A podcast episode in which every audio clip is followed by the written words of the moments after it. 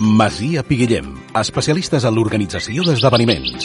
Vine a Masia Piguillem i fes el teu dinar o sopar envoltat de natura i en cuina de qualitat. Més informació i reserves a masiapiguillem.com.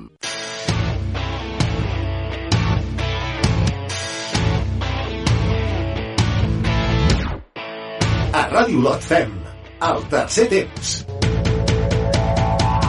Amb David Planella. Què tal? Bona tarda. S'ha acabat la primera volta i tenim 12 punts. 12 punts de 51. I ara, per salvar-nos, n'hauríem de sumar almenys 28. És a dir, hauríem d'aconseguir més del doble de puntuació. Em sembla una utopia, i la veritat és que tinc pocs arguments per fer-vos pensar que ho aconseguirem, però el que està clar és que aquests números només sortiran si ens fem forts a l'estadi municipal, perquè aquí jugarem 8 partits més, 8 per 3, 24, 24 punts, i encara ens en faltarien 4. Això vol dir guanyar 8 partits a casa, quan fins ara, de 9 partits de la primera volta, només n'hem guanyat un. No pot ser que faci més de 3 mesos que no celebrem una victòria amb l'afició. No pot ser que hagin vingut rivals directes i no els hagin pogut guanyar.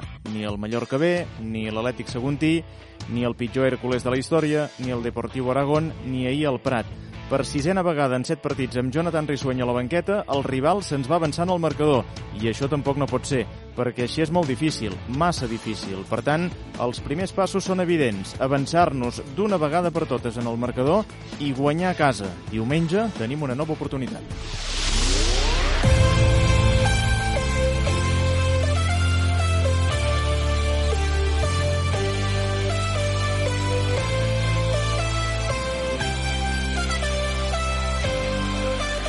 Tercer temps. El nostre partit del dilluns. Avui és dilluns 16 de gener del 2023, l'endemà de l'Olot 1, Prat 1, l'endemà d'un empat que ens deixa igual de freds. No hi ha manera d'aconseguir la victòria i demà ja farà 100 dies de l'última vegada que vam guanyar a casa.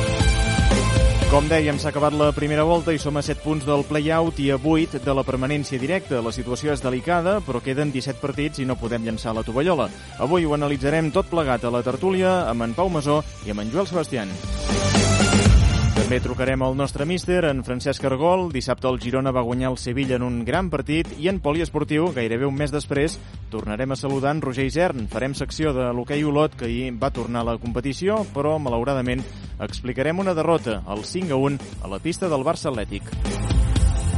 I abans de tancar el programa encara tindrem temps de parlar de waterpolo i de bàsquet, perquè la Club Natació Olot va guanyar el derbi contra el Banyoles i és candidat a tornar a jugar a la fase d'ascens. Trucarem al seu entrenador, Jan Hivern, i perquè el Club Bàsquet La Vall d'en Bas femení va guanyar el Tona en un duel directe i és líder de segona catalana. També trucarem al seu tècnic, Xavi Saez.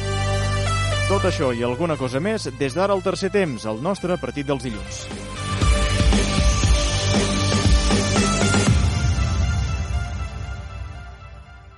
Centre Mèdic Alomar patrocina el tercer temps. Amb en Pere Farges a les vies de so comencem, ens posem al dia.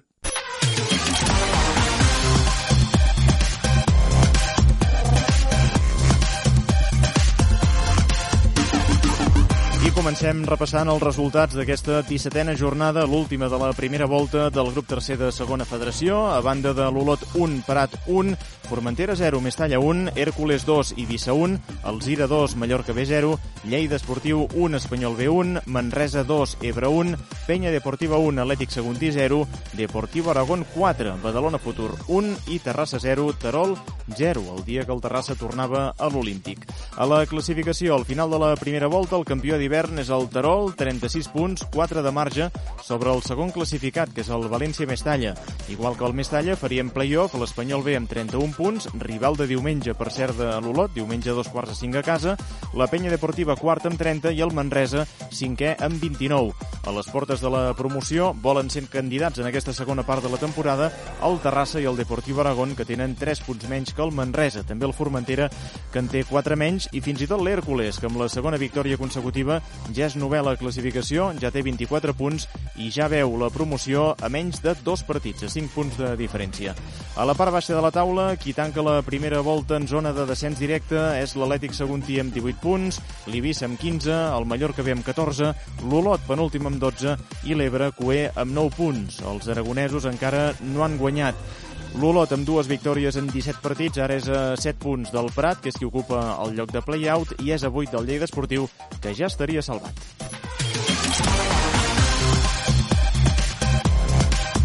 A primera catalana, el Bosa Tosca visitava el camp del Torelló en un derbi de Bracons, va empatar a 0-0 en un partit en què va destacar Baba, el porter del Bosa Tosca, Sergi Gravalosa, que va aturar un penal i per tant va ser providencial per almenys sumar un punt.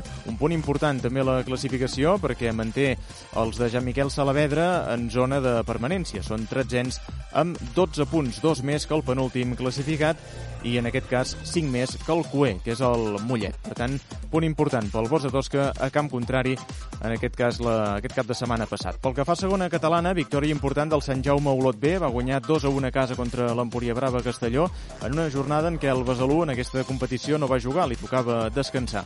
A la classificació, el Sant Jaume 5è té 22 punts, és a 4 del tercer classificat i, per tant, de la fase de descens a primera catalana. A tercera catalana, jornada 15 i tots aquests marcadors, 2, Les Planes 2, com a Cross 2, Badesenc 1, Cornellà 2, Sant Privat 1, Cellera 1, Camp de Bànol 1, Sant Gregori 2, Camprodon, Camprodon 0, Fontcoberta 1, Sarrià 4, Fornells 3, Amer 3, Les Preses 2, Atlètic Banyola 0, Garrotxa 1 i Santa Pau 1, Atlètic Sant Pons 2.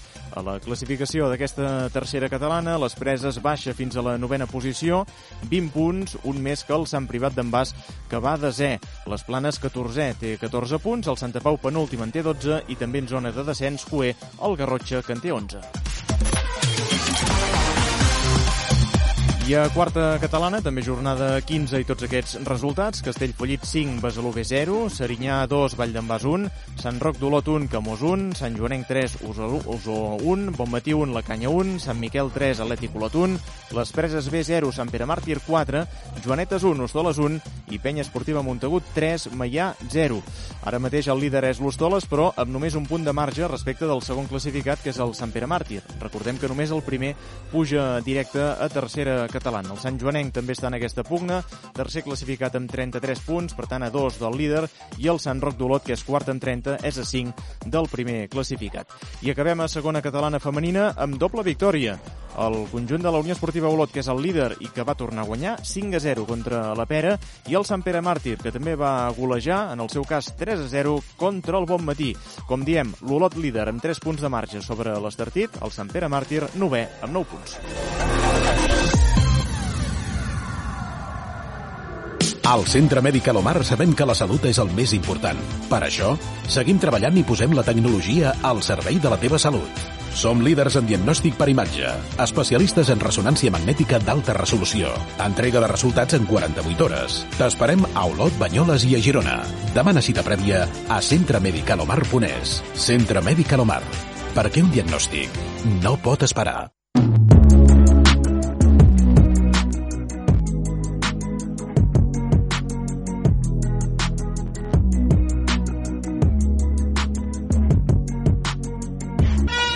Servirà el corna al Prat, a dins l'àrea tot l'Olot defensant, compta la centrada que es passeja per l'àrea, la rematada, Elagi gol. Se l'ha trobat Elagi al punt de penal i no ha fallat amb el peu. Per al minut 8, gairebé 9 de la primera meitat, marcar el primer. Gol d'Elagi Bandé, gol del Prat, no podia començar pitjor la cosa, ja hi tornem a ser una altra vegada remolc, una altra vegada treure aigua del vaixell, una altra vegada tenir feines per respirar. Gol de l'Atgi, gol del Prat, Olot 0, Prat 1. Crec que hem tingut dos o tres situacions ahí. També és que jo crec que la primera part s'ha jugat al, al camp d'ells. És que pràcticament no s'ha jugat al nostre camp en tota la primera part i nos hem anat eh, 0-1 perdent juga Murri, Urri obre bé la banda esquerra amb bon criteri cap a David Vigues que es desplega, que fa la centrada pot ser bona la rematada i gol! Gol!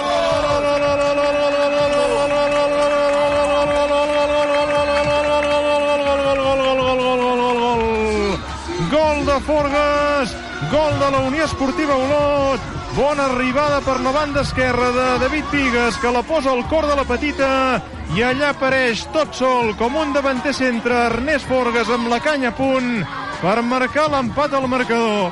Gol d'Ernest Forgas, gol de la Unió Esportiva Olot, per posar-hi una mica d'esperança. L'Olot vol guanyar, l'Olot vol remuntar. 19 de la segona, gol de Forgues, Olot 1, Prat 1.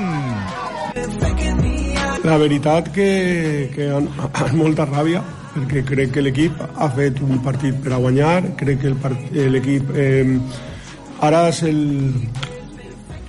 l'he dit als meus jugadors, eh, estic orgulloso de tots ells, de tots. No ho sé, jo crec que, que el partit l'ha vist tothom. Eh, crec que, que, que, igual que la setmana passada, jo vaig eh, ser crític eh, i, i el vaig, eh, tothom va veure el partit que varen fer.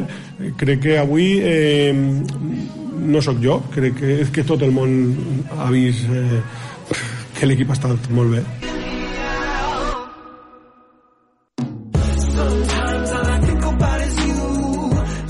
l'Olot, que va millorar la segona meitat, però que no en va fer prou per guanyar. Això sí, va salvar un punt, perquè estava perdent des del minut 9, per culpa del gol que sentíem d'Elatgi. Forgas va marcar l'1-1 centrada de Vigues al 19 de la segona meitat. Xumetre va arribar a topar amb el travesser amb un xut de falta directa. Saidu també va tenir un xut important, però no va voler entrar a la pilota i una vegada més ens conformem, o ens hem de conformar, amb un punt. Pau Masó, bona tarda. Bona tarda, David. Difícil afegir-hi alguna cosa més perquè el discurs s'allarga una, una setmana més. Sí, malauradament la victòria no arriba, semblava que havia de ser que cada setmana a casa amb l'afició i, i durant el partit ho dèiem, eh? L'Olot, almenys a la segona part, va donar la sensació que, que feia de cantar el partit cap a la porteria del Prat, però va ser marcar el gol i després potser van venir una mica de nervis, l'equip potser no va tenir del tot clar si aguantar, però em sembla que faltaven encara 20 minuts per, per acabar el partit i, i, potser era massa d'or i tot. Uh, però abans del gol i abans del gol l'equip ho va intentar i ho va aconseguir, crec, uh, l'objectiu que tenia la segona part, que era intentar remuntar el partit. Uh, llavors el Prat també va posar una marxa més perquè també volien portar-se el partit, però vaja, almenys jo em quedo amb la sensació de que no s'ha repetit el partit que van veure o l'actitud que van veure a Badalona i això almenys és, és positiu. Sí que és veritat que Uh, estic d'acord amb Risueño, estic d'acord amb Castells, que seguim emprenyats perquè la victòria no, no arriba.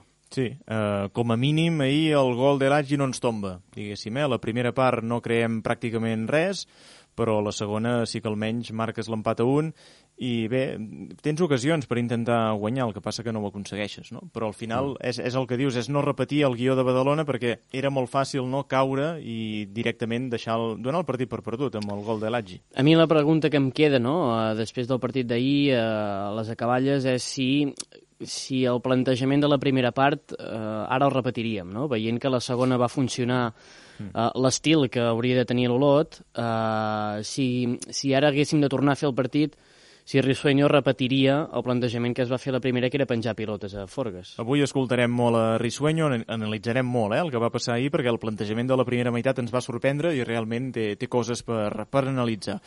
Joel Sebastián, què tal? Bona tarda. Molt bona tarda. Com estàs? És que clar, s'acaben els adjectius, no?, una mica de cada dilluns. Eh, avui ha aparegut l'emprenyat, eh, el frustrat, eh, Sí, aviam, decepcionat i tristos, mm, desgraciadament eh, fa moltes setmanes eh, que, que ho estem, eh, perquè els resultats evidentment no, no arriben i perquè veiem que la taula classificatòria cada vegada eh, ens ofega més no, a, a l'equip. Eh, per tant, eh, sí, la sensació és la mateixa, no? Eh, seguint amb, amb la línia de, dels, de, dels últims dilluns, eh, que és eh, Eh, eh, estic inquietat, no, ja? Eh, estic neguitós perquè eh, escoltant-vos ahir eh, sembla que no sabem ben bé eh, el que hem de jugar. I quan no saps eh, gaire eh, què has de jugar, eh, arriben els problemes i els resultats costen molt més eh, que arribin. O ho saps i et desconcerta, perquè fa la sensació, pel que va dir Resueño ahir al final del partit, que el pla era aquest, el de la primera part, no? Per això ara també ho analitzarem bé i intentarem explicar per què l'Olot va jugar com va jugar la primera meitat, que ens va deixar tots una mica descol·locats. Obrim la tertúlia.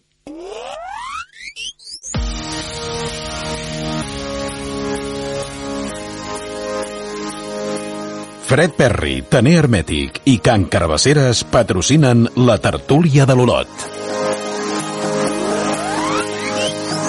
Crec que tots els jugadors que han jugat avui s'han deixat tot el que tenien dins del camp i, i crec que no li han donat la volta al marcador i que no hem guanyat per detalls i, i crec que inclús ha, hagut, ha hagut un penal d'ahir al Josep Serdà que, que, que a més li ensenyen la, la targeta a ell.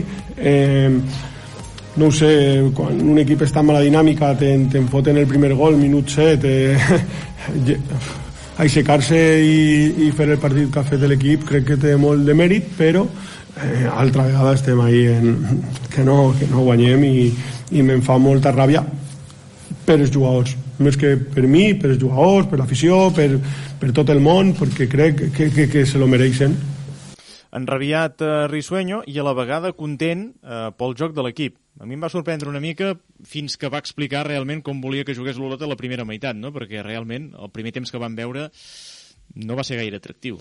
Eh, content perquè veníem de Badalona, no? I almenys va veure que els jugadors eh, responien millor que la setmana anterior en què bueno, es va fer un partit força desastrosa a Badalona. Uh, si no haguéssim vingut de Badalona, mm, potser no hauríem estat tan satisfets, no?, perquè no veníem d'aquest cop de, de Badalona, però uh, estic d'acord que sí, que el nivell competitiu va millorar, i aquí sí que, que ens hem d'agafar aquí. Uh, crec que ha de ser el nivell que, que ha de tenir l'equip, uh, que ha de competir, uh, no ho va fer Badalona, ho va fer ahir, i per tant això és positiu. La resta, eh, els tres punts eh, són vitals, són necessaris i, i, i han d'arribar ja com sigui. Eh, per al bé que diu Rissonya, eh, pel bé dels jugadors, perquè és que ho tornem a repetir. Eh, no sumar, no veure que l'equip guanya, eh, són passos enrere. Ja no és que et quedis tranquil és que, o, o, o no, no avancis, és que jo crec que ja fas passos enrere no guanyant, perquè desgasta una mica la credibilitat de, de l'entrenador, dels plantejaments, de, de dir, ostres, uh, sí, ens està l'entrenador ens està dient com hem de jugar, com ho hem de fer, provem coses noves, però no ens funciona, i això pot fer mm, descreure no? una mica la, la, la confiança que pugui tenir la plantilla en que això es pugui remuntar. És que quants partits porta Risueño al capdavant de l'equip? Mm. Uh, al sí. final, la, la setmana passada parlàvem parlàvem de no, el revulsiu, evidentment no s'ha vist per enlloc eh, pel que fa als resultats, però clar, eh, és que què menys no, que demanar-li l'entrenador arribat no, eh, per substituir a, a Mànix una victòria, és que no tampoc eh, ens conformem amb poc, sembla, no? però, però clar, si no arriben eh, i per molt que sapigués eh, eh, què volia jugar la primera part ahir, insisteixo, eh, jo crec que en el fons, en el fons, o no tant en el fons, eh, no se sap a què jugar.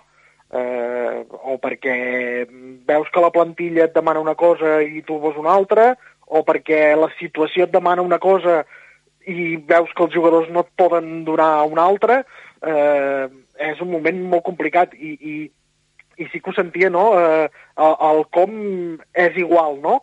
Però, ostres, eh, de vegades el com et fa arribar eh, no gairebé on vols, però a, a complir objectius més a llarg termini.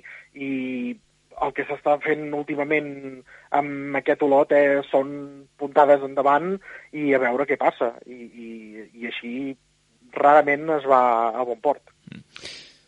Jo aquí sí que potser trencaré una llança eh, per Rissuenyo, perquè d'alguna manera eh, la situació mm, no et permet no? Eh, mirar a llarg termini, eh, treballar... Sí, no, no, sí, és veritat això, eh, Pau. Sí, sí. Treballar, treballar, diguéssim, com si fos una pretemporada per aconseguir un estil o un joc que et pugui donar eh, fruits d'aquí un mes, eh, és que no, no, la situació no t'ho permet, llavors entenc que, que pugui haver-hi primeres parts com ahir, no? que l'entrenador sacseja l'alineació i prova coses diferents, ho entenc, Ara, eh, que funcioni o no és una altra cosa. Jo crec que ahir l'equip sabia quina era la idea de la primera part, almenys d'inici, però no va acabar de funcionar, eh, i amb això estarem d'acord. Però que no sabem a què jugar, jo crec que, que l'entrenador ho sap. L'entrenador té, té un pla de partit, que jo tinc la sensació que en altres eh, inici de temporada jo veia partits que, que vaja, que tinc la sensació que, que Mànix començava el partit però no sabia com, com, com aniria la segona part. En canvi, jo veig a Rissuenyo que té un pla de partit, eh, sap molt bé com s'ha de començar i fins i tot ahir ens ensenyava la llibreta dient que tenia molt clar quins canvis faria la segona, no? Ostres, jo crec que l'equip sí que sap on ha d'anar. Ara, eh, que en aquest viatge les coses no surtin com un vol, eh, això és el que es va demostrar ahir la primera part. Tenim el tall de Rissuenyo. Mira, la segona part, el veus? Cerdà, el Seidú, Manel, el Xumetra, l'Urri, el Callís per dins, el Marc el després ha sortit, a la Yala, el Vigas i el Gonzalo, per a fer-li mal la, la segona, la segona part. I aquí ha notat la primera part. Bé, eh, creia que el Seidú i el Josep Cerdà la segona part i el Xumetra ahir el treball de picar pedra de la primera part eh, podia fer que en el seu talent eh, en una jugada el partit eh, fora per a nosaltres. Això ja ho ha repetit més d'una vegada, això de picar pedra a la primera meitat i a la segona, eh? Acabar de rematar la feina, eh? Aquesta funció li feia molt Ferran Bruguer, que ara ja no pot disposar d'ell perquè està lesionat de llarga durada, però era un jugador que utilitzava les primeres parts per això, per desgastar el rival, sobretot, eh? perquè era un davanter molt treballador. Ahir, sabent que el Prat eh, no tenia els dos centrals titulars, eh, era ordre de centrals pilotes amunt. Eh, I ho vam veure, eh? eh Gonzalo, Ayala, eh, quan superaven eh, la divisòria, Castells també, eh, pilotes cap a Forgues. Mm, I d'aquesta manera eh, anar, anar picant pedra, com diu Risueño. Jo crec, però, que no va acabar de funcionar. Mm, Forgues va tenir pilotes, però no es van generar en ocasions. És a dir, van arribar pilotes de Forgues, però això no es, van no es va transformar en un xut, perquè a la primera part només n'hi ha un. El 44. I imagina't. Uh, llavors, sí que Forgues va intentar pentinades, sí que Forgues va intentar baixar pilotes, però no va connectar amb ningú. I aquí és on crec que no va funcionar el plantejament.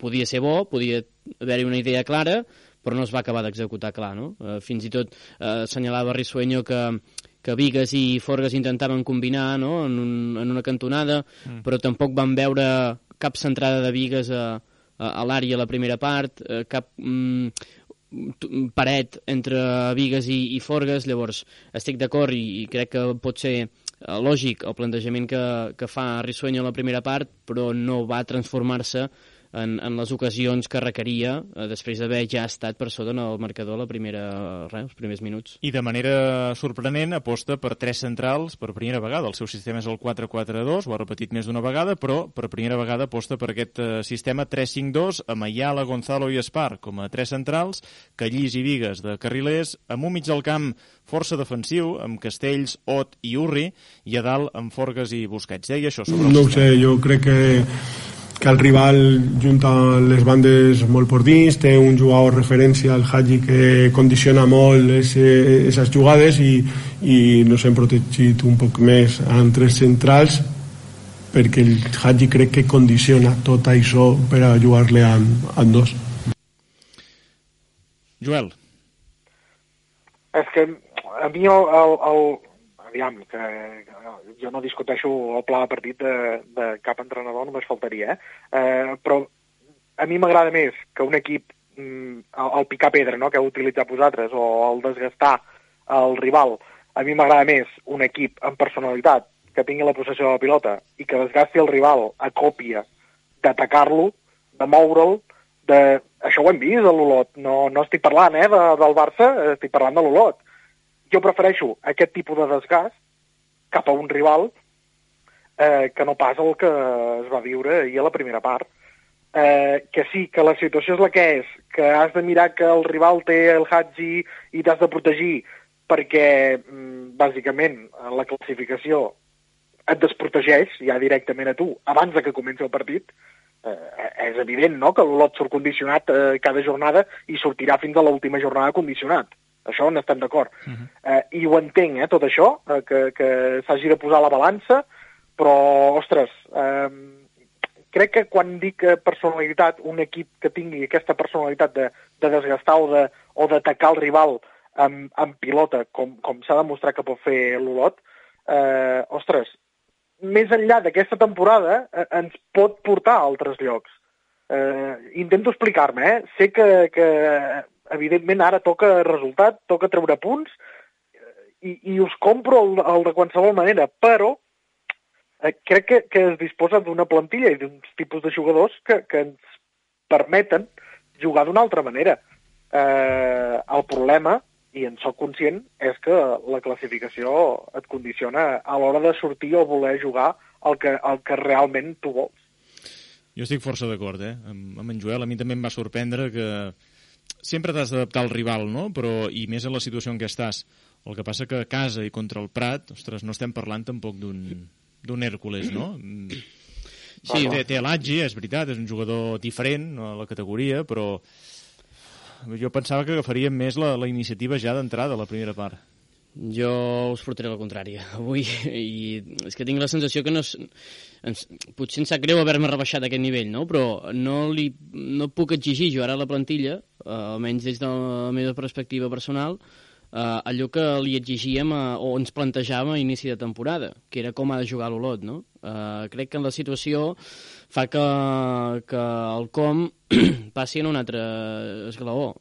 Jo ara mateix no sento uh, que se li hagi o se li pugui exigir uh, aquesta plantilla en la situació que està. Nom per nom sí que, eh? estic d'acord amb en Joel, que nom per nom, uh, i ho dèiem a l'inici de la temporada. És una plantilla compensada, que té jugadors uh, creatius uh, al mig del camp, que té jugadors desequilibrants uh, a les bandes i en atac, uh, però els resultats han portat a una situació que jo crec que aquests jugadors eh, s'han infravalorat i, i no tenen la mateixa qualitat que tenien a, a l'estiu o que tenien a l'inici de temporada. Això ho han fet els resultats i ho ha fet una dinàmica que ahir mateix, com, ahir mateix ho deia Rissuenyo a la roda de premsa, que és molt fotuda. Llavors, eh, davant d'aquesta situació, jo crec que, almenys jo personalment, no li puc exigir a l'equip que, que, que domini tota l'estona o, que, o que intenti tocar o fer un joc que sigui d'un estil concret. Jo crec que l'equip s'ha d'adaptar a cada partit i a cada rival i fer-ho eh, de la manera més pràctica que pugui. Eh, quan, quan arribin les victòries o quan la moral estigui més alta, si arriba, llavors jo sí que em sumaré eh, a, la, a la demanda. Però no estem anant una mica enrere? És a dir, l'arribada de Risueño... Dir, veníem de Mànix, que és una mica això que estàs dient ara, mm -hmm. no? I Risueño treballa amb una idea molt diferent i es treballa bé. No? I ara no és recular una però mica? Ris sí, Risueño va venir amb la idea, no? I ell ho va dir, els meus equips són ofensius. Però, clar, Risueño arriba i es troba el que es troba. Mm, jo no sé si Risueño eh, té tan clar, i més ell ho va dir. Uh, jo veig l'equip que se sent més còmode replegat i ho va admetre. Uh, veig un equip que se sent més còmode quan, quan no ha de crear, quan ha de defensar. Ho vam veure en el partit d'Andorra. Llavors, jo veig que aquí no és tant el problema de la idea de joc que té Risueño, sinó l'aplicació d'aquesta idea de joc. En una plantilla que està tocada, que està en una mala dinàmica i que, i que no se li pot exigir un treball que suposarà un temps quan el que se li exigeix és una victòria ja. Tinc aquesta sensació. I quan arribin la victòria, quan arribin els tres punts, jo crec que això fins i tot es podrà treballar molt millor. Mira el Barça aquest cap de setmana. Bueno, uh, bueno, ha de venir bueno, encara. El proper partit del Barça ha d'arribar encara.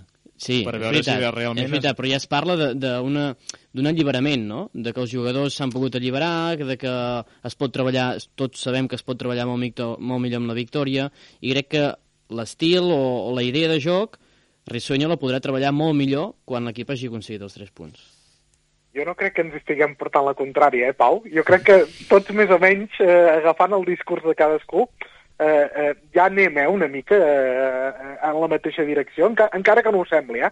Però, però mm, jo crec que sense el com eh, no es paren de donar volantassos. I, i és així. I, I cada partit hi ha un plantejament diferent, eh, o amb matisos però, però diferent. I, i així mm, jo crec que no, no, no et porta enlloc, això. Eh, per molt que, que és... jo també pugui pensar eh, eh, que el resultat és el més important i que, i que és igual com guanyar, sinó que el més important és salvar no, l'equip, però la sensació que em dona és que sense un full de ruta clar i, i un camí traçat per, per que et porti a l'objectiu... Eh... Sí, sí, jo crec que ja el, ja el, ja el té, aquest camí, Rissueño ja sap a què vol que... Ho vam parlar l'altre dia que va venir aquí eh, al tercer temps. Li vam preguntar què vols que jugui l'Olot i ho va saber respondre. Però mm, costa arribar-hi amb la situació que està a la plantilla. És a dir, si tu tens una eina trencada per, per arreglar una cosa, eh, primer hauràs d'arreglar l'eina, no? I, i hauràs de... i s'haurà d'anar eh, posant tot a lloc. No sé si m'explico. Uh, uh. A mi em queda el dubte, i ho deies tu mateix, de si l'Olot hagués jugat com va sortir a la segona meitat des de l'inici, què hauria passat? Al final, a davant hi havia el Prat, és, és a dir, no vull menys tenir el rival perquè tothom està millor que nosaltres, menys l'Ebre, eh? per tant no estem en, en situació de menys tenir ningú, només faltaria, i el Prat és un bon equip i el que vulgueu. Tenia els dos centrals que no hi eren, mm. no? El, el lateral dret tampoc, juga amb tres defenses que habitualment no són titulars, i és un equip que va en zona de descens per molt que tingués tota la plantilla disponible, tenia baixes importants, és un equip que està en zona de descens com tu.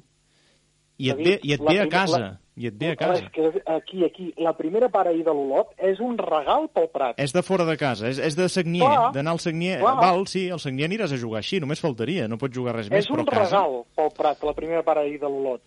Uh, uh, els rivals, quan venien, i no fa tant, no, no fa tant d'això, quan venien al municipal, sabien que s'havien de protegir que es trobarien un, un, un equip amb, amb iniciativa, que tancaria el, a camp propi, que havien de sortir a la contra i, i aviam si n'enganxaven alguna.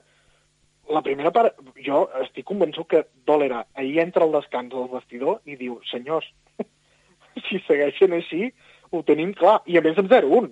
Van entrar, van entrar als vestidors amb 0-1.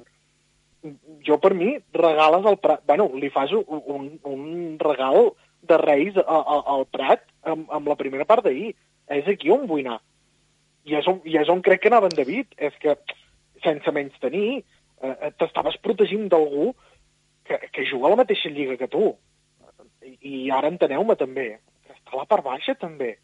L'has d'exigir una mica més. Eh, aquí és on te vaig amb, amb el com, digueu-me, romàntic, no? És el com que ens, que ens havia portat a molts llocs. I també entenc eh, el que dius, Pau, de, de que la situació mana i, i que no és fàcil eh, revertir-ho no? I, i aplicar eh, eh, eh aquest joc a, a la plantilla que t'has trobat trencada moralment eh, amb una metodologia treballada tot l'estiu que era antagònica no? a la que vols aplicar, a la que vol aplicar Risueño. Eh, però, ostres, jo, jo és que ja us dic, eh, us escoltava i deia, me'n faig creus, me'n faig creus, me'n faig creus de, de la primera part que ha fet l'Olot al municipal. És que, bueno... No, i parlaves amb la gent al descans i no estava contenta, de, no, no pel resultat, ah. pel joc. Havia sigut una primera meitat que anar a l'estadi i veure això, i si més a més perds, no? No sé si això et condueix realment a alguna cosa o no. En canvi, a la segona part, surts del camp, ostres, orgullós de l'esforç i del caràcter de l'equip a la segona part, i de com ha atacat, i, i de com ha jugat. I et queda no? l'espineta de que la primera part l'has llançat a la bessura. És clar. que, clar, és que és això. Sí, el... estic d'acord, eh? eh? De fet, eh, ho comentàvem abans de començar, bueno, quan començàvem la tertúlia, que la pregunta era aquesta, que hagués passat, no?, si l'equip hagués fet el mateix plantejament que la segona, la primera, però jo crec que potser la segona que van veure no l'hauríem vist si no hi hagués hagut el plantejament de la primera. La idea era, com diu Risueño, desgastar, no? I jo crec que no es va aconseguir, i això és veritat, i per això jo ara em, em faig aquesta pregunta, no? Com que no es va aconseguir, dic, ostres, doncs, haver jugat... Però, esclar, això és a toro passat, i és mm. molt fàcil ara fer la pregunta, no? Però, però clar, eh, hi ha una segona perquè hi ha una primera, o almenys aquesta era la, la idea de Risueño, no? És a dir, jo sé que a la segona sí que jugaré el que vull, però ho podré fer perquè tindré a Cerdà i a, i a Seidú, que sortiran eh, explosius eh, de la banqueta. Eh, són jugadors que potser eh, d'inici no els hem vist tan, tan reivindicar-se. Eh, bueno, no sé, jo crec que estic d'acord que veient ara com va anar el partit es va llançar la primera part, estic d'acord, però puc entendre eh, que hi hagués una segona part perquè hi va haver un plantejament diferent a la primera, no? Mm. I, evidentment, ho comentàvem a l'11. A mi m'hagués agradat veure a Cerdà, a Seidú, d'inici.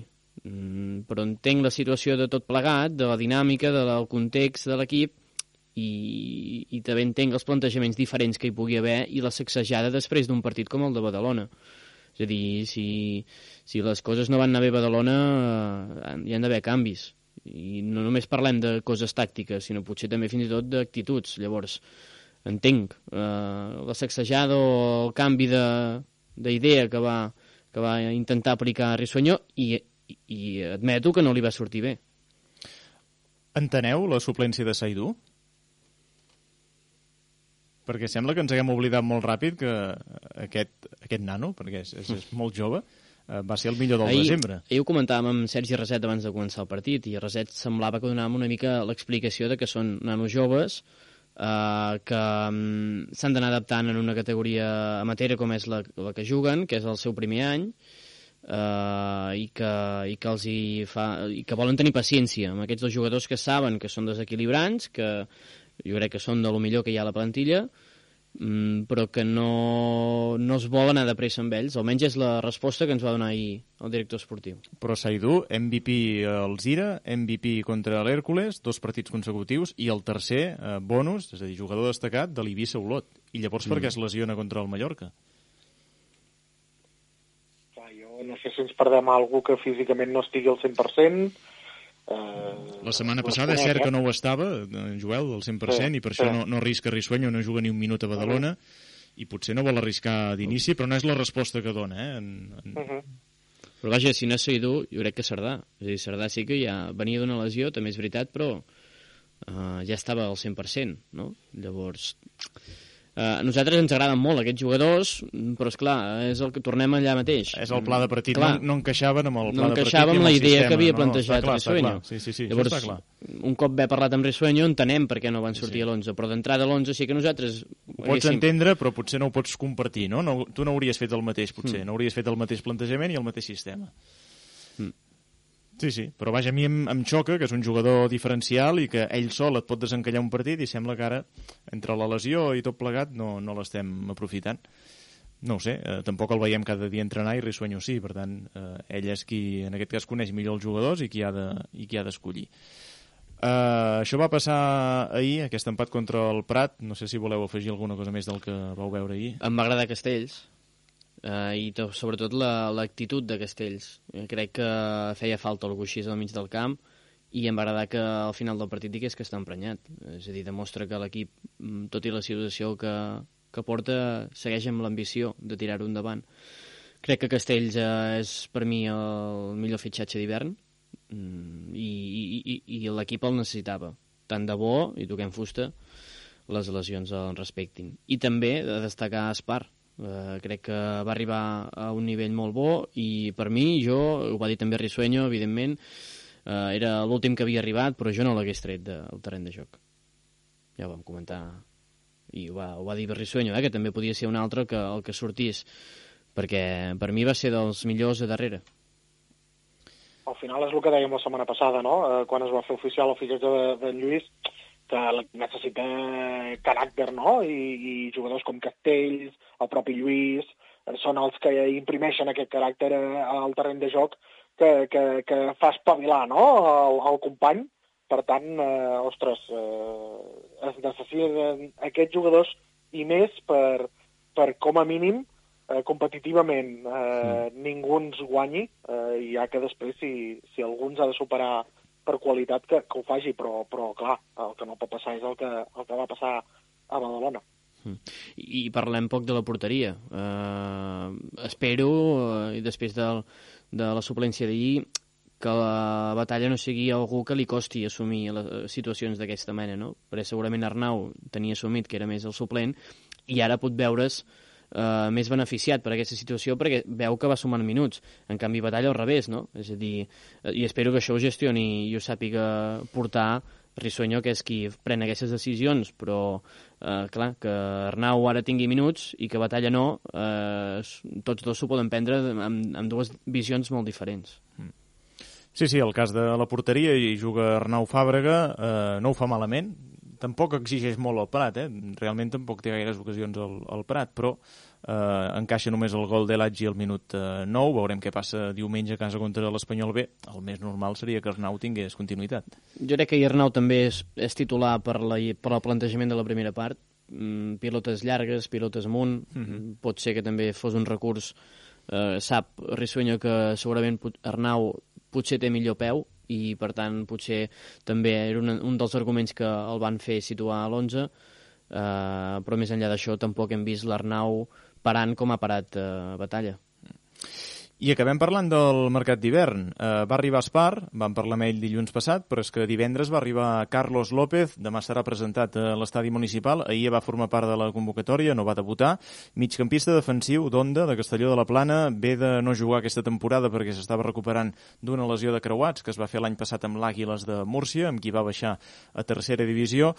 Un migcampista amb experiència a segona B, amb l'Ebre, amb el Depor Fabril, amb eh, l'Hospitalet, per exemple, amb qui va compartir equip amb Jonathan Risueño, és petició expressa del tècnic de, de l'Olot, i és un fitxatge que d'entrada no esperàvem, no? un pivot defensiu amb Castells recuperat, en principi no, no esperàvem que arribés, però eh, s'ha convertit en el segon fitxatge. Bueno, jo crec que petició no, eh, expressa de, de Jonathan Risueño i intuïció, eh, i, i m'explico, eh, amb Castells recuperat, semblava no, que aquesta peça no, no calia no, a, a l'equip, però eh, no sé si a mi el nas em diu que, que Risueño segurament apostarà per, per un doble pivot amb molt de múscul, amb molt de caràcter, com dèiem abans, no? i el físic de Castells i Carlos López, si és que està en condicions, evidentment, d'oferir un rendiment immediat, que, que entenc que sí, eh, per això se l'ha fitxat, amb un doble pivot perquè després tot el que jugui davant d'aquest doble pivot eh, sigui ofensiu. Eh, eh, això és la meva intuïció i, i potser el que vull, no, també, perquè és el que necessita l'equip, marcar gols. Nou gols en una volta, eh, senyors. És que l'equip necessita eh, sacsejada ofensiva. Mm.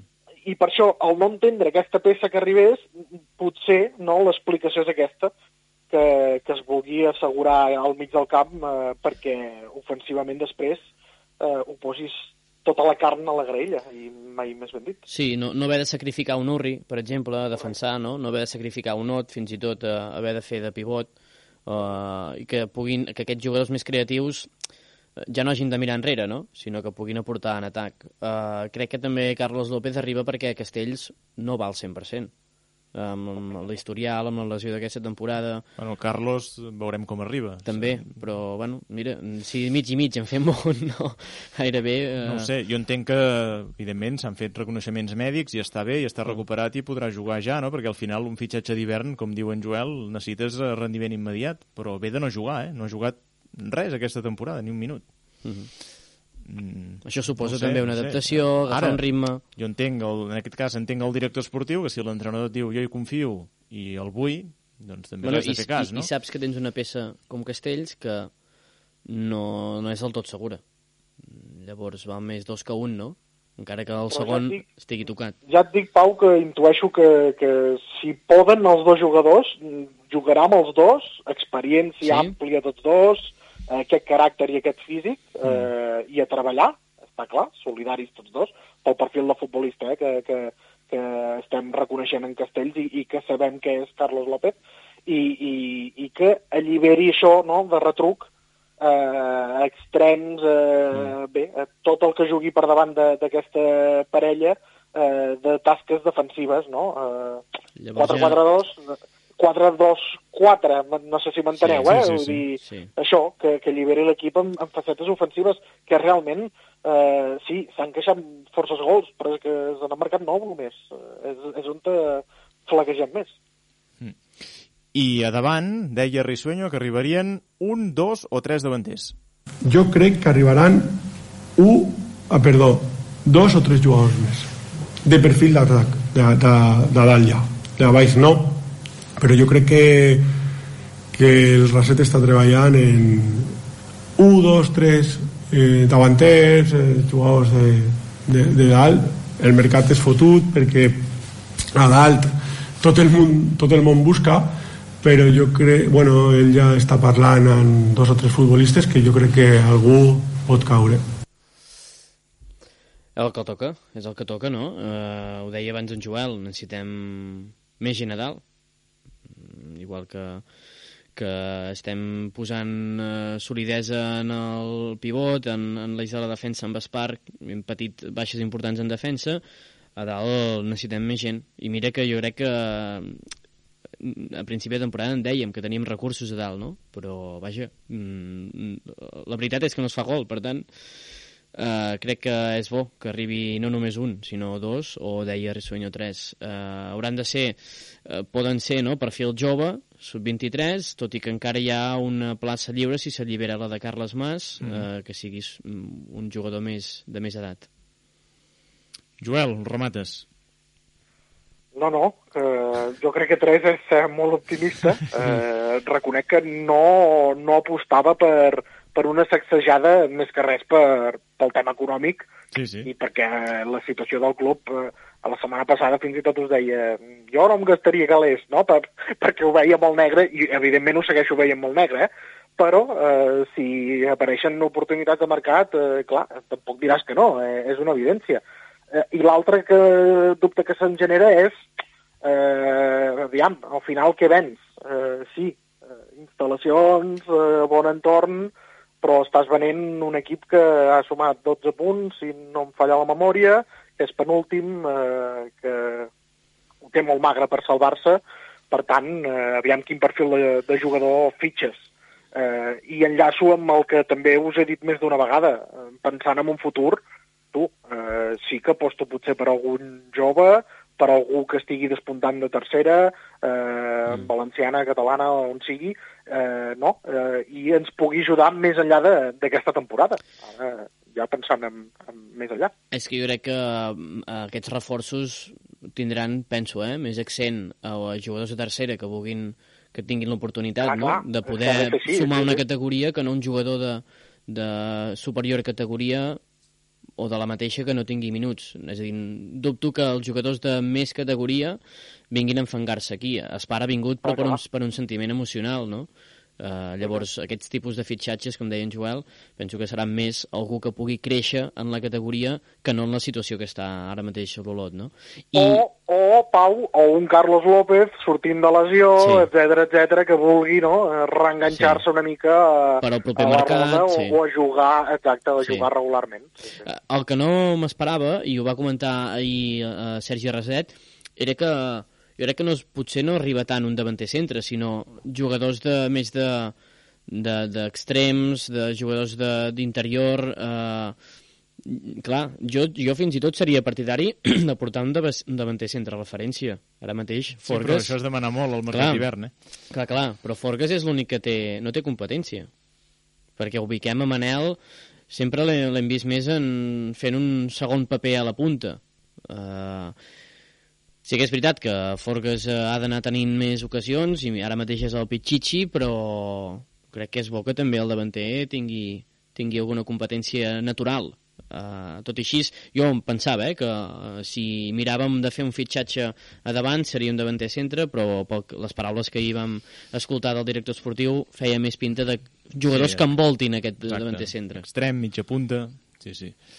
Ho veurem, queden menys de 15 dies perquè es tanqui el mercat d'hivern i sabrem quin jugador o quins jugadors, en plural, arriben a la part ofensiva de la Unió Esportiva Olot per fer gols.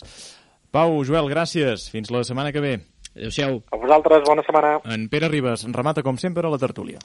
Finques Pauli us ofereix la nota de veu d'en Pere Ribas. Hola, David. D'un en un no farem res. Ens hem de posar al cap que necessitem una segona volta de play-off i cal començar amb bon peu. Contra l'Espanyol B només val la victòria. L'11 que va treure Jonathan Risueño per jugar contra el Prat em va sorprendre moltíssim. Era un 3-5-2, però més que parlar de l'11 m'agradaria parlar de l'estil de joc, de, de l'estil que va emplear la Unió Esportiva Olot eh, almenys a la primera part. Un estil molt vertical, molt directe, eh, amb un lot que enviava pilotades eh, molt i molt eh, llargues, semblava que era una competició, aviam qui enviava la pilotada més, eh, més llarga i aviam quin jugador aconseguia passar la pilota més ràpid al, al company, perquè semblava que l'Olot li cremés la pilota, semblava que els jugadors no la volien eh, tenir i així és molt i molt eh, complicat fer mal a, a qualsevol equip. El Prat, en canvi, no va tenir gaires ocasions de perill, però la que va tenir, la més clara, la va acabar posant al fons de la xarxa a través de la sortida d'un corna. Les imprecisions defensives van tornar a passar factura i molt a la Unió Esportiva Olot perquè el davanter centre del Prat, el Adji, remata absolutament sol bé, ell diu que la pilota uh, li va al peu, però direm que remata perquè així ens hi farem menys mal. Uh, I la defensa de l'Olot està molt i molt tova, no només en aquest corna, sinó també en d'altres circumstàncies, sobretot quan el Prat penjava una pilota o quan hi havia una centrada del conjunt Pota Blava. Uh, ens teni teníem l'ai al cor perquè la defensa de l'Olot trigava molt a rebutjar-la o bé no la rebutjava i la pilota acabava sortint per la línia de, de fons. Però bé, la primera part de l'Olot va ser insuficient, molt mala primera part de, del conjunt de Rissuenyo, que és cert que la segona part va saber modificar el plantejament del, del partit que havia fet. Canvis, eh, van entrar Saidu i Xumetra i això li va donar eh, més frescor a, a l'equip, que va aconseguir empatar el partit amb el gol d'Ernest Forgas i a partir d'aleshores vam veure un Olot amb una altra empenta, un Olot diferent, un Olot que tenia ganes d'empantar, de, que tenia ganes de guanyar el partit, eh, com ha de ser, amb una molt bona actitud, però el Prat, eh, amb els canvis que va introduir Pedro Dólera, es va saber eh, recuperar del gol de la Unió Esportiva Olot i eh, ja va ser molt difícil eh, aconseguir el, el 2 a 1. Un empat que, bé, és eh, positiu i negatiu a la vegada, positiu perquè el Prat no suma 3 punts i és un rival directe per la permanència, i negatiu perquè eh, sembla que la victòria amb Jonathan Rissuell Senyor, és molt i molt difícil que, que arribi. Uh, almenys si, si se t'avancen en el marcador. Les imprecisions defensives tornen a passar factura a la Unió Esportiva Olot i ho tornen a fer perquè és molt difícil guanyar un partit si se t'avancen en el marcador i és molt difícil posar-te al cap que has d'estar remuntant contínuament. Això, en aquesta categoria, sembla que només ho pot fer l'Hèrcules, però l'Olot ho té molt i molt uh, complicat. Uh, se t'avancen en el marcador i tu ja has de tenir un pla de partit uh, alternatiu és molt més fàcil saber que mantindràs la porteria a zero o que, si més no, la teva defensa es mantindrà sòlida eh, i a partir d'aleshores construir en, en atac. Eh, és fàcil de dir, difícil d'executar, però és que Jonathan Rissuenyo ja fa temps que és, a, que és aquí i els seus mètodes han canviat la Unió Esportiva Olot, han canviat la dinàmica de l'equip en quant a joc i han canviat l'actitud de molts i molts eh, jugadors. Um, però eh, ja hauríem de començar a veure els fruits d'aquest treball i els fruits s'han de veure en forma de victòria. Necessitem una segona volta, com he dit, de play-off i la necessitem a partir de diumenge. Necessitem l'afició, necessitem els jugadors, necessitem Risueño, necessitem a tothom, perquè la segona volta que ha de fer l'equip ha de ser de playoff o de lideratge. Però l'equip eh, ha de saber que el més important és aconseguir com a mínim el play-out. Ara mateix retallar distàncies seria el més positiu. Confiem en que diumenge la Unió Esportiva Olot aconseguirà guanyar contra l'Espanyol B i a partir d'aleshores esperem que comenci una nova era.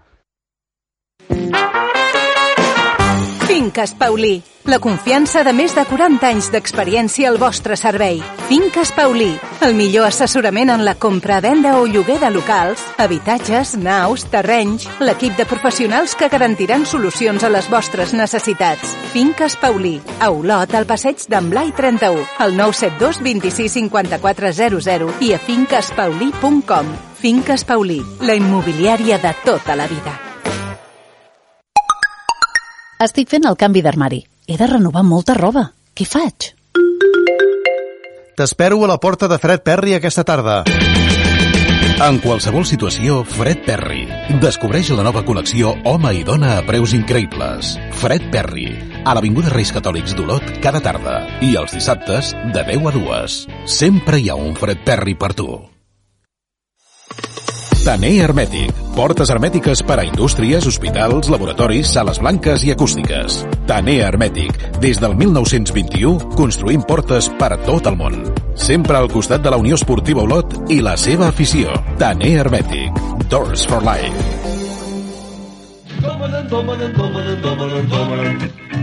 Carbasseres.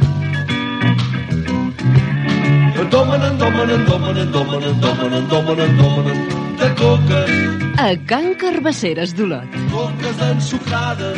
Al carrer Sant Rafel, número 5. Coques de llardons. I tortells de matafaluga. Domanen, domanen. Carbasseres.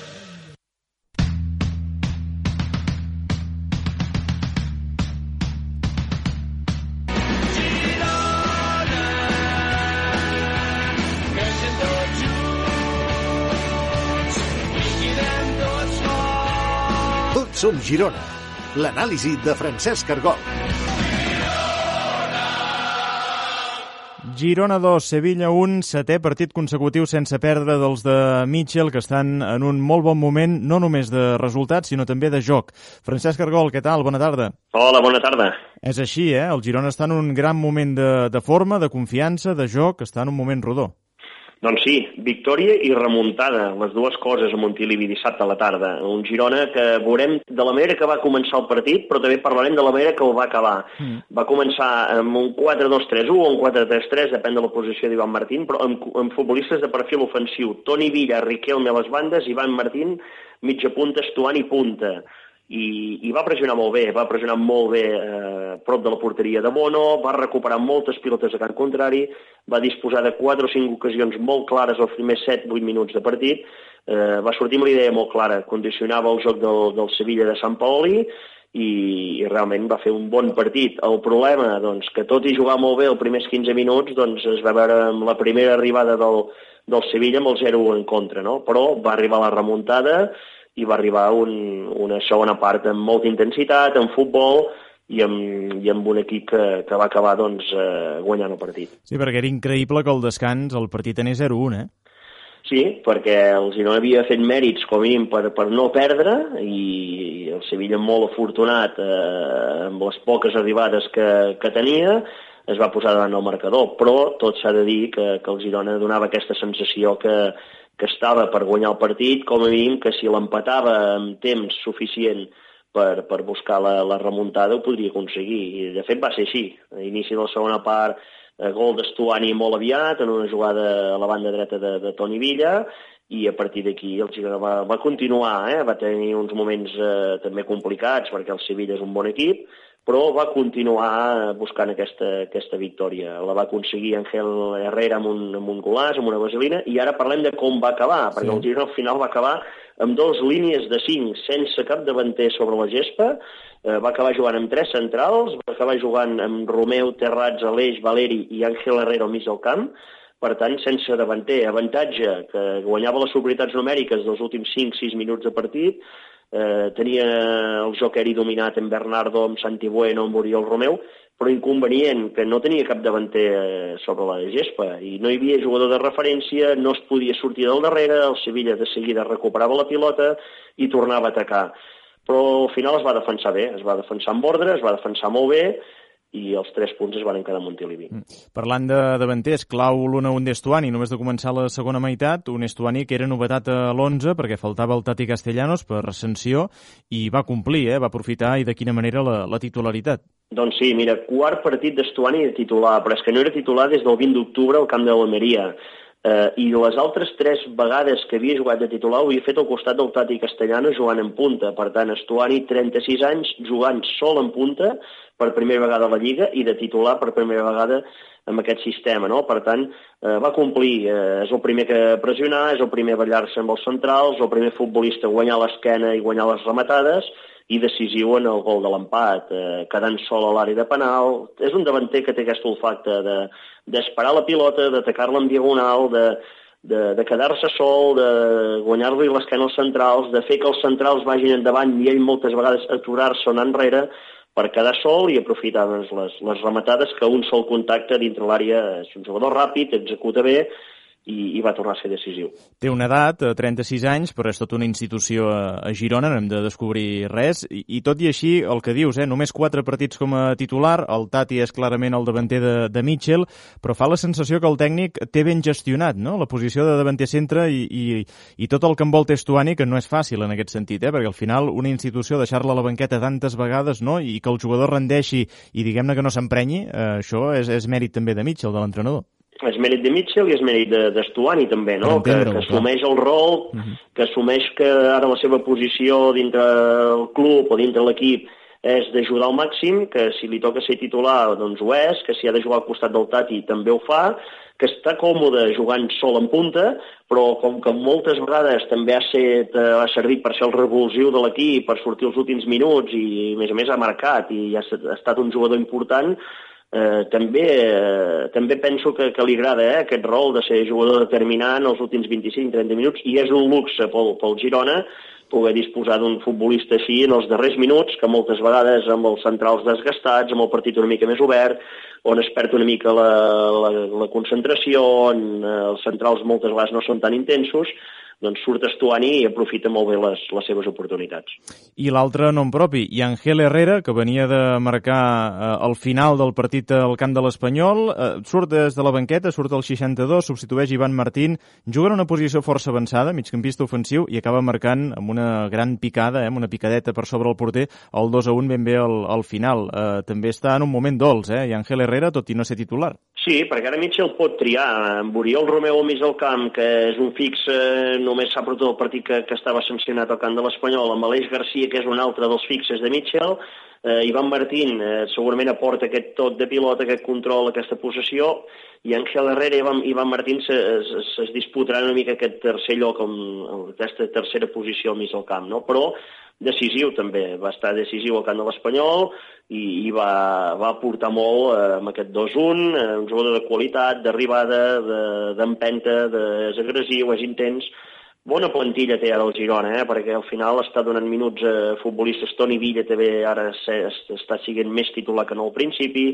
Té recursos, té, té recursos Mitchell, té recursos l'equip, i això és bo per un entrenador perquè pugui, pugui disposar de, de moltes variables. Michel volia 20 punts abans d'acabar la primera volta, falten encara dos partits perquè es tanqui i el Girona ja en té 21. Doncs sí, ha acabat bé perquè aquestes victòries, aquestes darreres victòries, sobretot la, la de dissabte, més l'empat contra el Rayó a casa, més l'empat al camp de l'Espanyol, li han donat aquests 21 punts. Queden dos partits per acabar la, la primera volta, però són dos partits molt complicats. Eh? Diumenge al camp del Villarreal i l'últim partit a casa contra el Barça. Per tant, fa bé el Girona de tenir aquests 21 punts uh -huh. que li donen aquest punt de, de marge, de tranquil·litat i a veure si, si pot acabar sumant algun punt més amb aquests dos partits que queden. Clar, és que anirà a la ceràmica i rebrà el Barça mm, sense res a perdre. Es tracta d'això, no? Es tracta de, de que sàpigues eh, que el camp del Villarreal, amb Setién i amb el Villarreal que ha anat a més en els darrers eh, dos o tres partits, eh, és un camp complicat, però penso que el Girona si està en el nivell dels darrers partits li plantarà cara i, i després veurem què passa amb el partit contra el Barça, que, que realment és el, segurament el partit més difícil de, de, la, de la temporada, però si es pot encarar amb, amb calma, tranquil·litat i sense la pressió d'estar al darrere, doncs sempre és positiu. Un partit contra el Barça Montilivi que ja té dia i hora, el 28 de gener, un dissabte, a un quart de cinc de la tarda, i aquest Villarreal-Girona la setmana que ve també dissabte a les dues del, del migdia. Bé, aquesta és la situació del Girona, còmode, mitja taula, 21 punts, eh, 7 de la zona europea, 6 de la zona de descens, per tant, en una situació perfecta per encarar aquest tram final de, de primera volta. Més enllà del Girona, Francesc, amb què més et fixes fixes d'aquest cap de setmana esportiu i futbolístic? Doncs mira, eh, parlem una mica de la incertesa de les banquetes, de la incertesa de, dels entrenadors, de que els entrenadors depenen molt dels resultats, depenen molt de les dinàmiques. No? Abelardo eh, ha estat destituït com a entrenador de l'Sporting. Va arribar a Gijón en la seva segona etapa com a entrenador, com a salvador, com semblava que era la persona que l'entrenador que els havia de portar primera, que els havia de treure d'aquesta segona A. Doncs una dinàmica negativa on només han guanyat un partit dels darrers eh, 12 eh, ha fet de que un emblema Gijón, que tot i que sigui un entrenador, que, que allà té nom, que, que ha jugat allà, que, que és la segona etapa que, que compleix allà, també ha patit una mica doncs, el fet de, dels mals resultats i, i la poca paciència que, que han tingut el club una altra vegada doncs, amb, amb un entrenador després de, de ser un referent pel, pel club. No hi ha manera eh, que els clubs tinguin paciència amb els entrenadors. Hi ha molts pocs casos eh, d'entrenadors que, que s'allarguin. N'hi ha, però, però molt pocs. Sí, quan al final moltes vegades si confies en un entrenador i en una manera de fer eh, et pot donar resultat, no? Eh, el fet de... Un exemple el tenim en, en, en el Girona, no? El Girona en Mitchell també va començar malament la temporada passada, també donava la sensació, va caure fins i tot en descens eh, en zona d'ascens de segona A i el fet de donar-li continuïtat, de donar-li ara el veus com un entrenador imprescindible pel club, no? Per tant, eh, moltes vegades deixar treballar, deixar temps, sempre i quan que es treballi bé, que es treballi amb la línia correcta, que vegis que hi ha una progressió en, en el joc, una progressió en l'equip, eh, aquesta incertesa a les banquetes fa que, que molts clubs tampoc se n'acabin en sortint. Un cas molt clar, eh, Iago Barrasate a l'Ossassuna. Eh, fa dos anys era cué de primera divisió. Avui és setè classificat, trepitjant zona europea amb 27 punts i un dels entrenadors referents a aquesta primera divisió, un dels entrenadors que treu més prestigi, més rendiment i que està guanyant un prestigi perquè està tenint molt de rendiment a un Osasuna, uns futbolistes que a base de treball, de constància, d'un equip treballat en atac-defensa, que sap fer molt bé les coses, veiem que Arrasate ara és un referent dels, dels entrenadors nacionals de primera divisió. Sí, sí, recordem quan va venir amb l'Ossassuna, eh? aquí a Olot a la Copa del Rei era cué de, de primera divisió, el van aguantar, van dir que amb ell anirien fins al final, els va salvar aquella temporada i ara doncs està en zona pràcticament europea l'Ossassuna de Rassate. Francesc, moltíssimes gràcies, en parlem més la setmana que ve, veurem què fa el Girona al camp del Villarreal, però en tot cas la feina està feta i, i ben feta. Gràcies. Gràcies a vosaltres.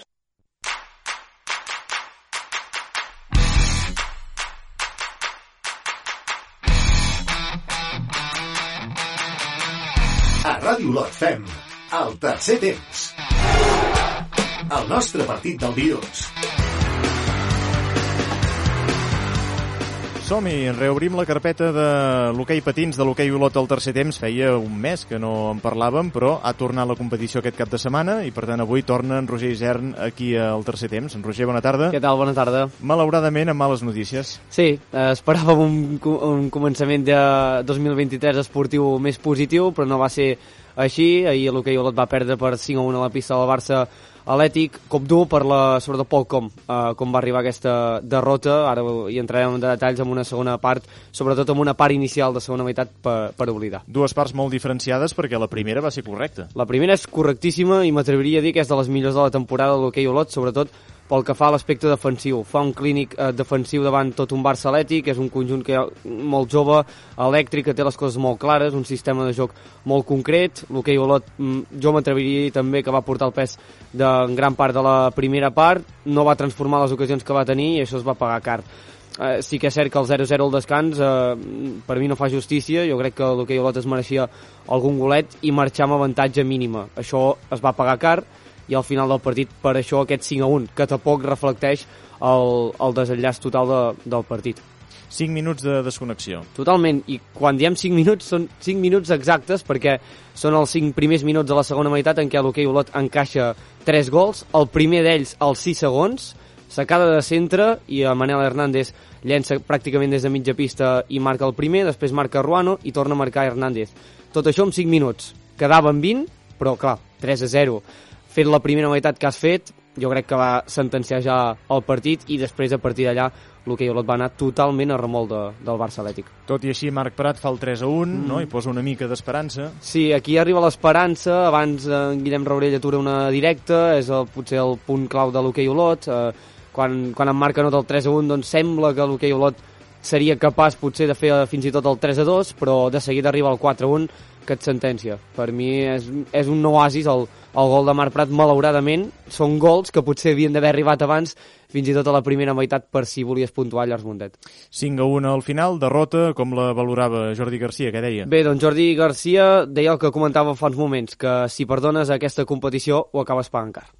La primera part eh, hem sortit molt concentrats i molt bé a pista, hem tingut ocasions per marcar, el seu porter ha estat increïble, o sigui, estem molt bé. Um, I crec que teníem nosaltres el control del partit Uh, bueno, arribes a mitja part amb, amb 0-0, uh, mereixent més, crec, uh, en el nostre cas, avui, avui a la tarda aniré al partit un altre cop, però crec que mereixíem més per, per anar per davant del marcador, sobretot al primer tram de, de partit, i encara tenim un segon document de Jordi Garcia. Sí, comentava aquests 5 minuts de desconnexió, ho sabem, la categoria de plata no perdona i aquests 5 minuts van sentenciar i provocar la derrota de l'hoquei Olot aquest diumenge tenim 5 minuts, eh, tenim la pàjara dels 5 minuts. O sigui, eh, diem sempre, o sigui, els, els partits de, d'hoquei plata no pots badar ni un segon, perquè en un segon et, et giren el partit. Llavors, eh, aquests 5 minuts jo crec que han sigut eh, determinants per, per aquest resultat tan avoltat, però el, que, que crec que amb el joc eh, no és just. Um, crec que ha sigut un partit molt disputat, que podia guanyar tant un com l'altre.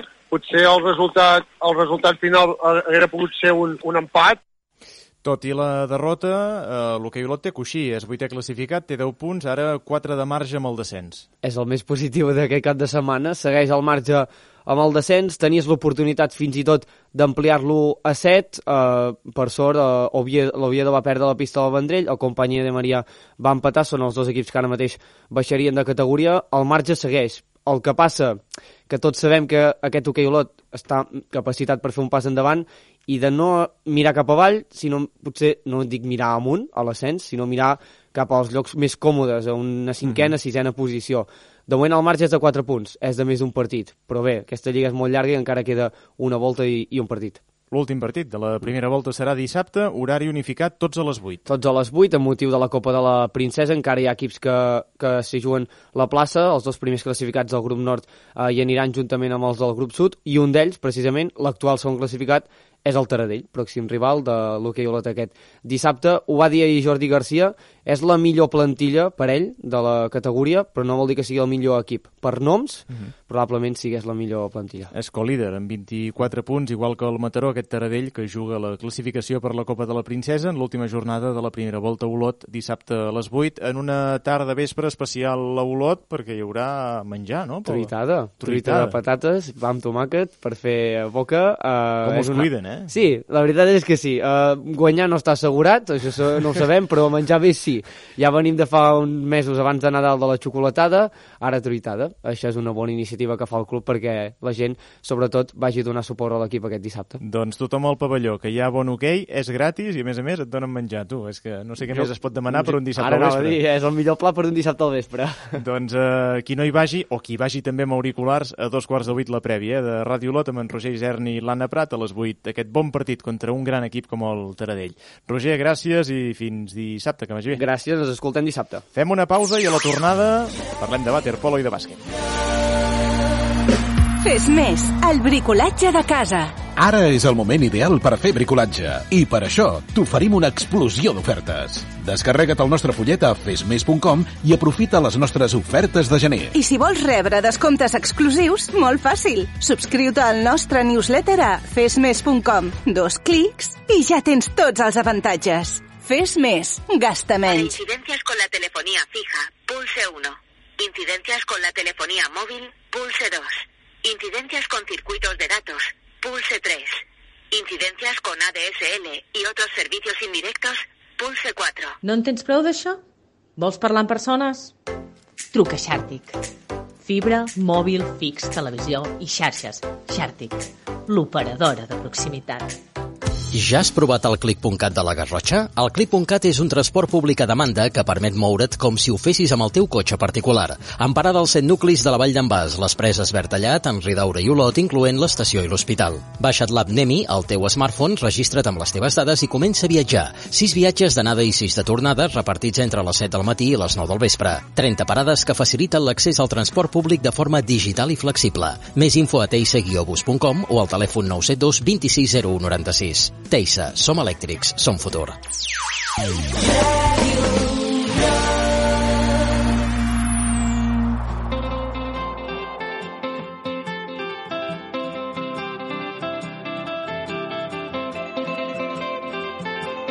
A Ràdio Lot fem el tercer temps amb David Planella. Més esports. Al tercer temps hem parlat fa un moment d'hoquei patins, ara ho fem de waterpolo per celebrar la victòria del Club Natació Olot aquesta jornada, la primera del 2023, a la piscina del Club Natació Banyoles, en un duel gironí de la categoria de primera catalana. 4-11 van guanyar els de Jan Hivern. Que ara són líders, amb una petita trampa, amb dos partits jugats més eh, respecte al segon classificat. Ara en parlarem amb el tècnic, amb en Jan Hivern. Jan, què tal? Bona tarda. Hola, bona tarda, què tal? Bé, bona victòria, clara, 4-11 contra el Banyoles. No valia relaxar-se i en el primer període 0-4. Sí, així va ser. Eh, teníem, teníem molt clar que, que, que era un partit de trampa, que havíem de començar forts i marcar diferències des del principi, i la veritat és que l'equip va, va entrar molt bé i després ja el partit va, va, va anar rotllat, la veritat. Victòria, per tant, al final còmoda, però s'havia de treballar, eh? I n'éreu molt, molt conscients.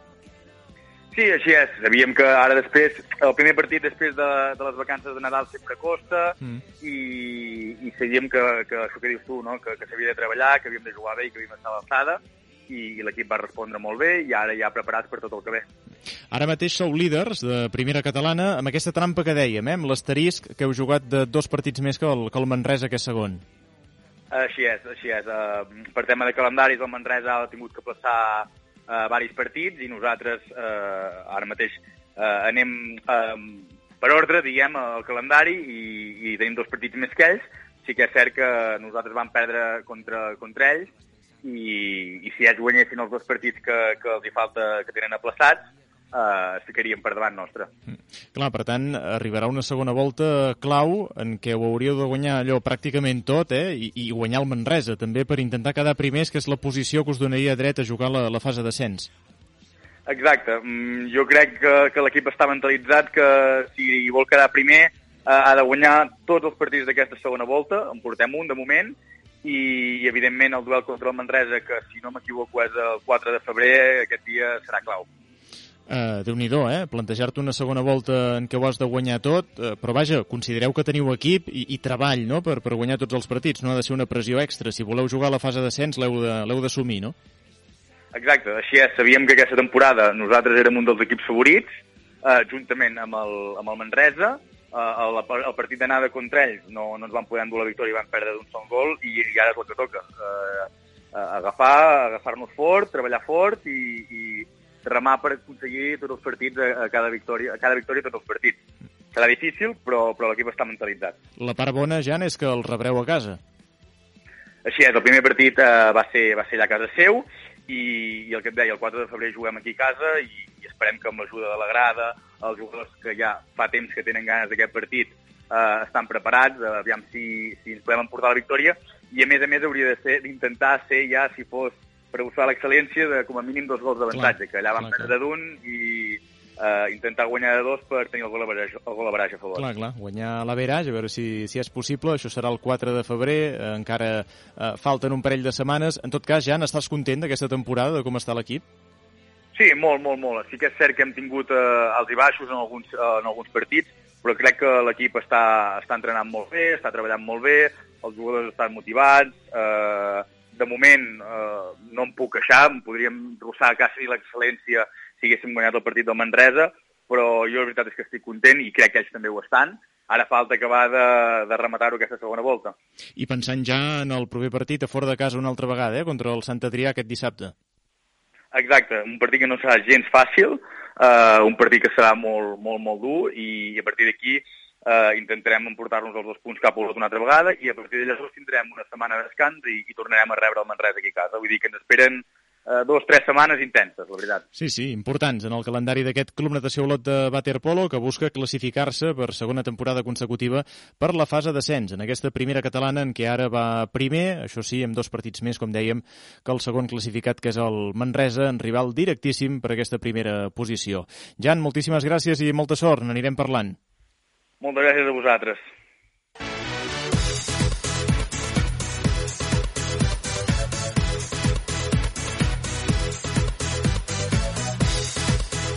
I per tancar el tercer temps del waterpolo passem al bàsquet per celebrar una altra victòria d'un altre equip que també va al capdavant de la seva categoria. En aquest cas estem parlant del de bàsquet femení del Club Bàsquet La Vall d'en Bas. Podríem parlar també del masculí, perquè també va al capdavant de la seva lliga, però avui ens centrem en aquesta segona catalana femenina en una jornada important en què la Vall d'en Bas va guanyar a casa 68 a 56 contra el Tona, un rival directe. Tenim en línia el seu tècnic, en Xavi Saez. Xavi, què tal? Bona tarda.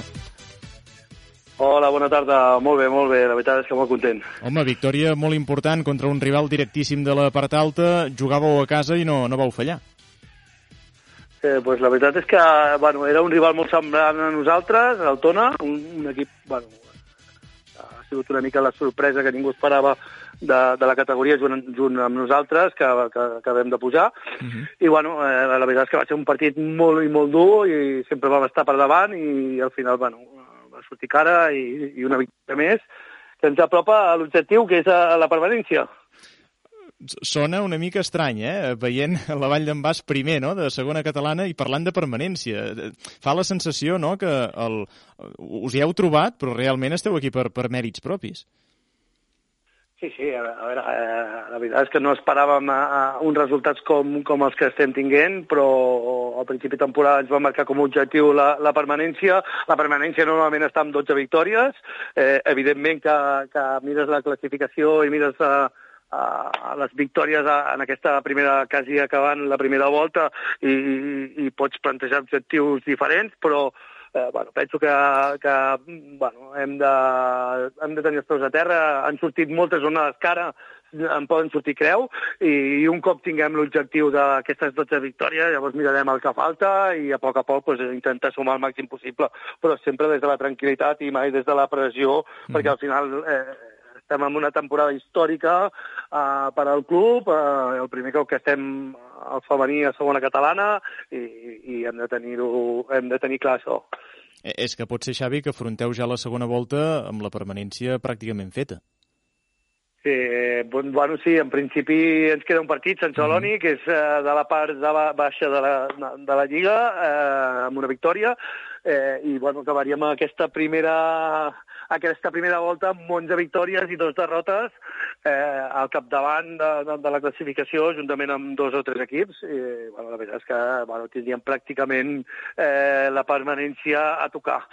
Eh, bueno, que, que, que, que aquest és l'objectiu que, ens hem, que ens hem plantejat. A partir d'aquí ja veurem no? eh, què, què queda i, i, i sobretot el, el, el tema que, que, que parlem amb les noies de partit a partit, de disfrutar la categoria, de disfrutar cada jornada i, i després ja, ja veurem doncs, a, a final de temporada mirem on estem eh, i, i, bueno, i, i, i, i decidim doncs, eh, quins són els objectius, però eh, al final eh, l'objectiu principal és aquest, la permanència. Nosaltres no som un equip eh, eh, que estigués fet per, per, com un objectiu clar de, de pujar, sinó tot el contrari, i a partir d'aquí tot el que sigui de més, doncs perfecte. I, I què diries que us ha portat fins aquí? Quina és la clau d'aquesta gran temporada? Bueno, la clau són, primer de tot, elles.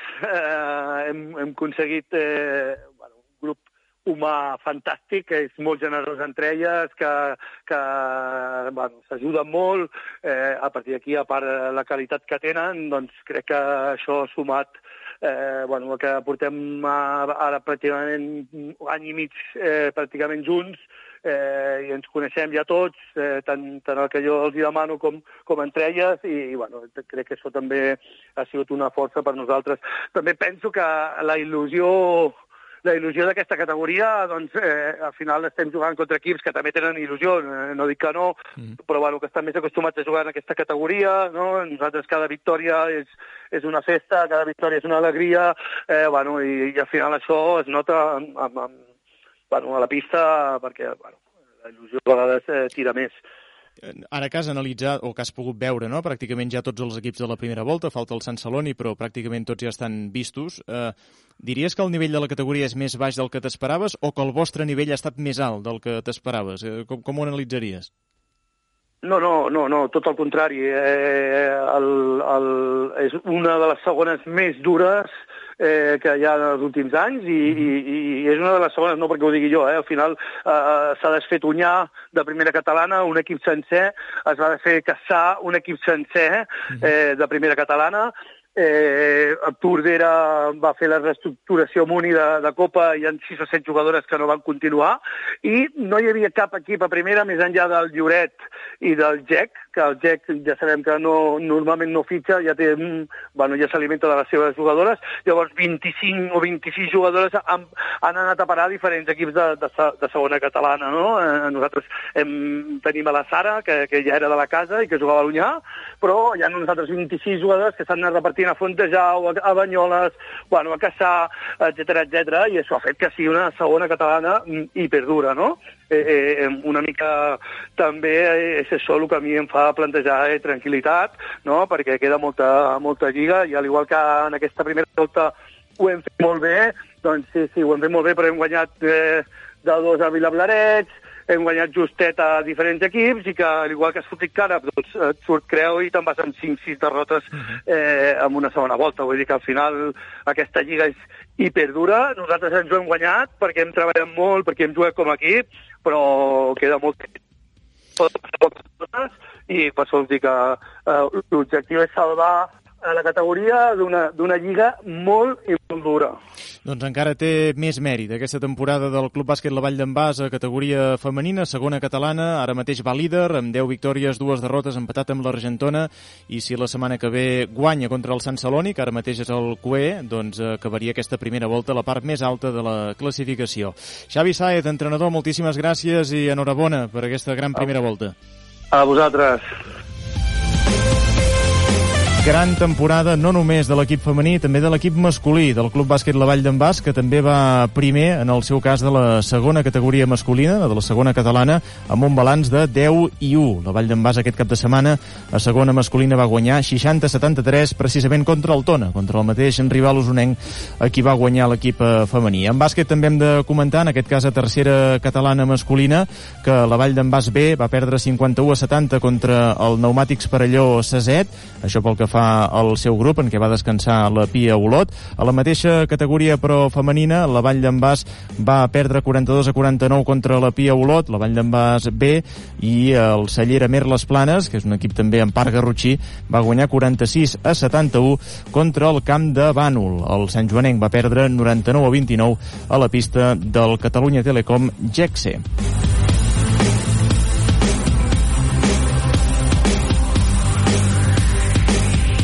I a tercera masculina, Sant Joanenc 53, Sant Gregori 99, el Club Bàsquet Olot va descansar en el seu grup.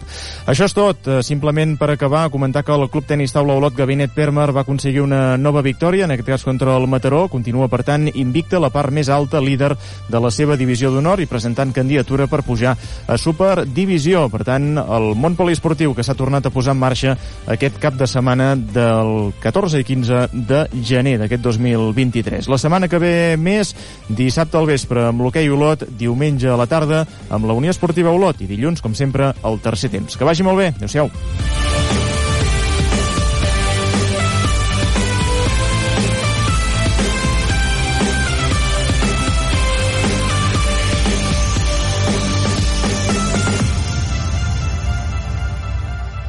Centre Mèdic Alomar patrocina el tercer temps. Al Centre Mèdic Alomar sabem que la salut és el més important.